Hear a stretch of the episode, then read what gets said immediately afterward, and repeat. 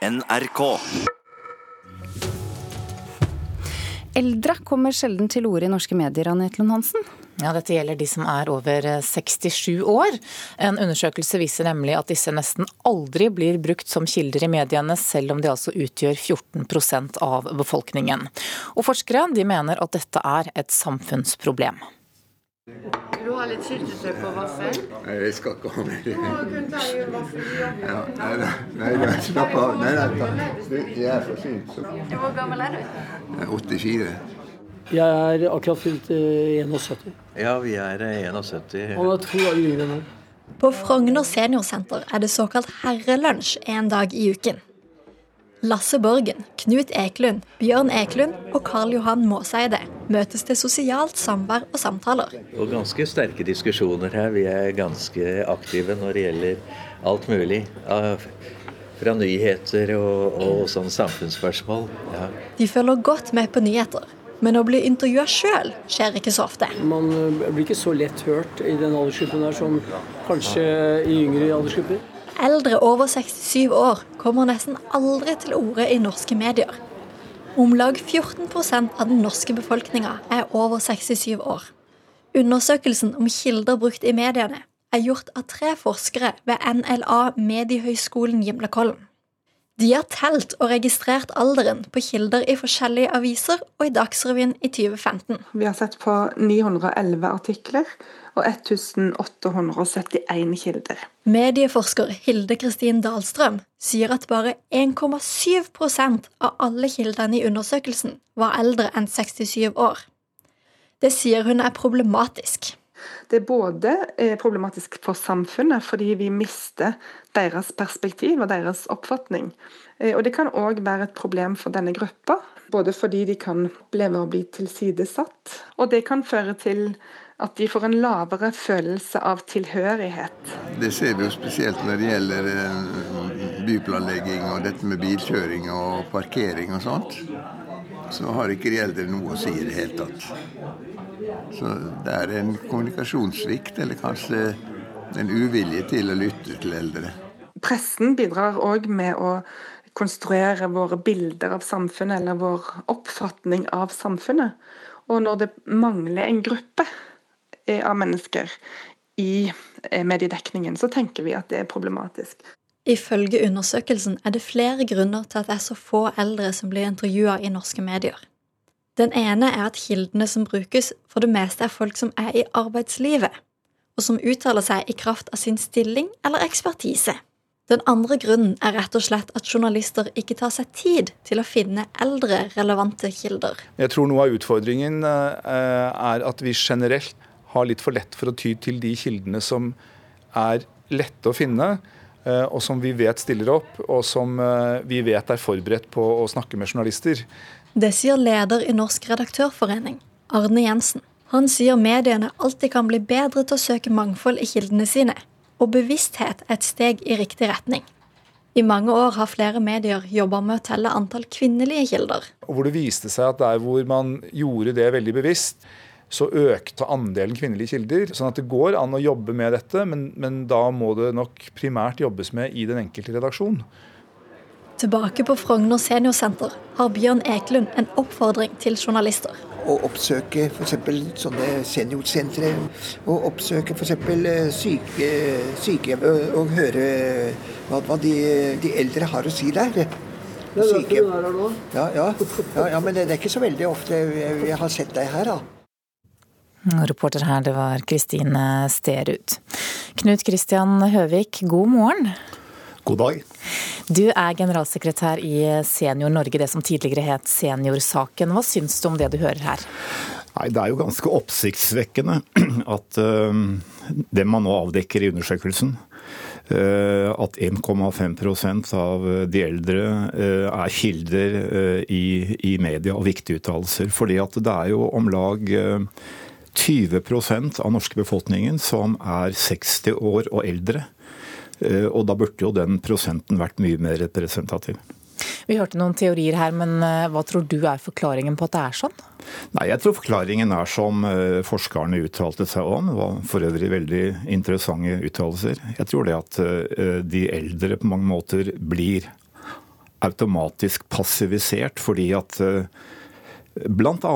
at de som uttaler seg, er de som menn, hovedsakelig menn i en yrkesaktiv alder, fra 20 til 66, og de uttaler seg jo helt klart som følge av sin profesjon eller sin kunnskap. Og I tillegg så er det klart at det danner jo holdninger i samfunnet. Og holdningene i samfunnet det er jo med igjen å diskriminere og passivisere de eldre. Ja, Hvordan da? Ja, fordi at eh, når man går ut av en yrkesaktiv karriere, så føler man seg på mange måter, eh, kanskje på mange måter litt tilsidesatt. Og det er jo også en, eh, en, del av det som skjer i det norske samfunnet i dag, at eldre blir diskriminert på veldig, veldig mange områder. Men kan det være sånn som Arne Jensen i Redaktørforeningen antydet her, da, at det kan også være vanskeligere for oss som jobber i mediene å finne kilder som er over 67 år? Ja, det er klart man kan det. Eh, det er vanskelig å finne kilder, det kan jeg godt tenke meg. Eh, journalister kan jo ha problemer med å finne kildene og komme rett til kildene, men det er klart at eh, for å få en uttalelse troverdig, så må man gå til kilden. Det er mindre troverdighet, tror jeg, når man går til indirekte kilder som uttaler seg på vegne av en annen gruppe. Jeg tror at media selv og journalistene selv kan gjøre mye. Jeg tror man kan eh, jobbe bl.a. Eh, jobbe inn mot eh, organisasjoner som Senior Norge. Vi har jo et stort antall medlemmer som kan være villige til å uttale seg. Og vi får jo veldig mange henvendelser fra media hvor vi skal skaffe eksempel, skaffe folk som er utsatt for spesielle hendelser, som å være gammel. Det kan være at man kunne hvis ikke de eldre kan uttale seg, så kan vi eh, linke media opp mot de pårørende som kan uttale seg. Eh, jeg tror også at eh, veldig mye av det ansvaret ligger i media hos journalistene. Annet vil jeg foreslå at NRK som en samfunnsansvarlig kanal burde opprette en egen eldreradio. Jeg skal ta det med meg videre, men jeg må bare spørre, er det utelukkende medienes ansvar da, at uh, situasjonen er som den er, eller kan de som er over 67 år selv også gjøre uh, noe for å bli mer synlige? Det er klart at det er et kollektivt ansvar. Det er et ansvar som både pålegger media, men også på de det gjelder. Og jeg er første til å uttale meg om og påstå at uh, veldig mange av dagens eldre er passive på veldig veldig mange områder i samfunnet når de går over i en eldretilværelse. Og det er klart at Vi i Senior Norge vi oppfordrer alle eldre til å aktivisere seg, bl.a. også innenfor politikken. Knut Kristian Høvik i Senior Norge, takk for at du kom til Nyhetsmorgen. Kulturkommentator her i NRK, Agnes Moxnes. Han er vel inne på noe, da? Det er vel ikke tilfeldig at så få eldre blir brukt som kilder i mediene, for dette er vel et bevisst valg i mange redaksjoner? Ja, dette er jo en undersøkelse som ikke går tilbake i tid, men så ser på hvordan situasjonen er i dag. Eh, og det som har skjedd med mediene de siste årene i og med digitaliseringen, det er jo at mediene i veldig stor grad ser at yngre seere og yngre lesere altså av TV, analog TV og papiraviser forsvinner ut. Altså det er jo tall som tallene stuper, yngre seere rømmer. Og, og de siste, iallfall siste tiåret har det vært et veldig bevisst valg fra norske medier over hele fjøla at man skal få opp antall eh, eh yngre brukere. Så jeg vil nok tro at en del av resultatet vi ser her, er pga. den bevisste eh, mediestrategien. Men hva går vi glipp av da? Nei, Vi går jo glipp av å gå inn og se ordentlig på en gruppe som faktisk er en mektig gruppe i norsk eh, politikk. Eh, de er en stor gruppe, og den vokser. Vi blir jo bare eldre og eldre i dette landet. Og eldre er velgere. Sånn at de har jo en mye større makt enn det vi går inn og ser på. Og det er jo medienes oppgave. Det er å se på hvilken makt er det de har, hvordan kommer det til uttrykk, og på bekostning av hvem. Eh, sånn at det å ikke gå inn og være i dette, denne problematikken her, det er en, en, en feilprioritering av, eh, fra medienes side. Men dersom de eldre da er en så stor og mektig gruppe, så kan de vel også ta mer ansvar selv da, for å bli synlige? Ja, men Det hører vi jo også at Knut Kristian Høvik påpeker her. At her, dette krever selvfølgelig også at seniorsaken eller Senior Norge eller seniorbefolkningen er aktive. Men jeg opplever at de er ganske aktive. Det er en, en, en, en mektig gruppe, og det er jo rett og slett rik, landets rikeste aldersgruppe. Sånn at jeg tror de er mer synlige enn det vi tror. Eh, men vi er nødt til å være med og se på hvilken måte de er synlige, og på hvilken, måte de eh, eh, uttrykker makten sin. Takk skal du ha, kulturkommentator her i NRK, Agnes Moxnes. Bli med oss videre nå, for vi skal nemlig på teater.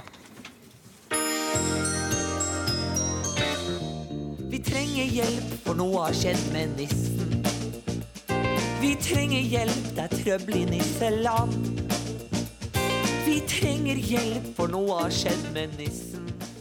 Dette er fra forestillingen 'Natt i nisseland', som ble vist på Chat Noir eh, i går. Og dette er en forestilling som ønsker å bli en juletradisjon, og et supplement til juleforestillingene som spilles på de store institusjonsteatrene. Karen Frøsland Nystel, teaterkritiker her i NRK, god morgen. God morgen. Du så denne forestillingen eh, i går. Hva skal til for at den skal bli, eller generelt da, for å bli en juletradisjon på en norsk scene? Jeg tror du trenger en veldig god historie. og når det gjelder jul, så er publikum ganske konservative. Vi vil ha noe som er kjent hvis vi skal betale billettpenger for det, kombinert med noe som er litt nytt, kanskje, men mest av alt gjenkjennelig, og så bør det gå bra til slutt. Og tittelen 'Natt i nisseland' den er jo litt spennende, for det høres jo nesten ut som en krim eller som en alternativ fortelling, men, eh, men det er det ikke. Eh, det er trøbbel i nisseland, men det ordner seg til slutt. Ok, Men hva slags forestilling er det? Den handler om, eh, om, nissens verksted i nisseland, og så er det lille julaften. Og nissen har plutselig så finner han ut at han vil jo heller til Syden enn å drive og dele ut julegave, og det er krise. I nisseboka så står det at to menneskebarn skal ordne opp i dette, og i tillegg så er det en trollmann da som har kasta en forbannelse over nissen og over nisseland. Eh, og da må man hente seg to menneskebarn og frakte de til nisseland, og så må man eh, møte trollmannen og få ordna opp i ting. Eh, og alt dette, alt dette skjer. Jeg, jeg syns nok at historien ikke er så veldig troverdig i at noe står på spill. Det er litt ilandsproblem at julegavene aldri kommer ut, og det er lille julaften. Um, og jeg syns heller ikke forestillinga er kanskje spennende nok i etableringa av at noe står på spill. Når det virkelig gjelder, så setter nissene seg ned og synger, liksom. Mer enn å springe rundt og, og, og forsøke å finne ei løsning. Men det er jo et premiss som barna forstår, og som alle lett går med på. Dette er altså en forestilling som startet i Østfold. Nå mm. turnerer den også i Vestfold og Oslo og Akershus. Er den i ferd med å bli en juletradisjon? Ja, jeg tror nok den vil bli spilt en del, og jeg tror den har et publikum òg, i og med at den driver og sprer seg. Eh, den er jo bl.a. støtta av Østfold kulturutvikling, og de er sikkert òg interessert i å få ting ut på veien. Eh, jeg mener at de trenger mer, eh, en mer kompleks kamp mellom godt og ondt. For denne trollmannen som jeg nevnte, som har kasta forbannelse, han gjorde det fordi han ikke fikk en trompet, en magisk trompet, i gave, i julegave som lite barn. Og det kunne nissene ha fiksa på en annen måte tenker jeg. Og jeg syns premissene er litt, eh, litt, dårlige i at kan hva man egentlig bruker de menneskebarna man henter til Nisseland til, det er litt uklart. Det er så mange tråder som legges ut, og så klarer de ikke helt å knytte de sammen til, til et fint bilde, eller hva jeg skal si. Men, men det at man lager en, en nissefortelling, det er, jo, det er, jo, noe vi vil ha sånn rett før jul. Og, og det må jeg si, det at nissen ville til Syden, det syns alle barna var kjempegøy. Så der er det jo et eller annet, i tillegg til at den trollmannen han, han, er ikke så slem, men han er ganske kul. Og hans historie er nesten mer interessant enn det at eh, det kanskje ikke blir jul i år igjen. Oi, oi, oi. Men er det veldig kort til slutt, er det noe jeg bør ta med minstemann på, for å si det sånn? Eh, det kan godt hende minstemann har stor glede av dette, men jeg tror at teamet bak skal jobbe enda hardere for å gjøre dette til en tightere historie. Takk skal du ha, Karen Frøsland Nystøl. Ida Creed, du har fått hentet deg en kaffe og er klar for en ny halvtime? Jeg skal ta ut tyggisen før jeg snakker, i hvert fall. Men det, det, har vært et angrep på en militærleir i Kabul. Angriperen er i kamp med sikkerhetsstyrker akkurat nå, og det blir det mer om etter Dagsnytt.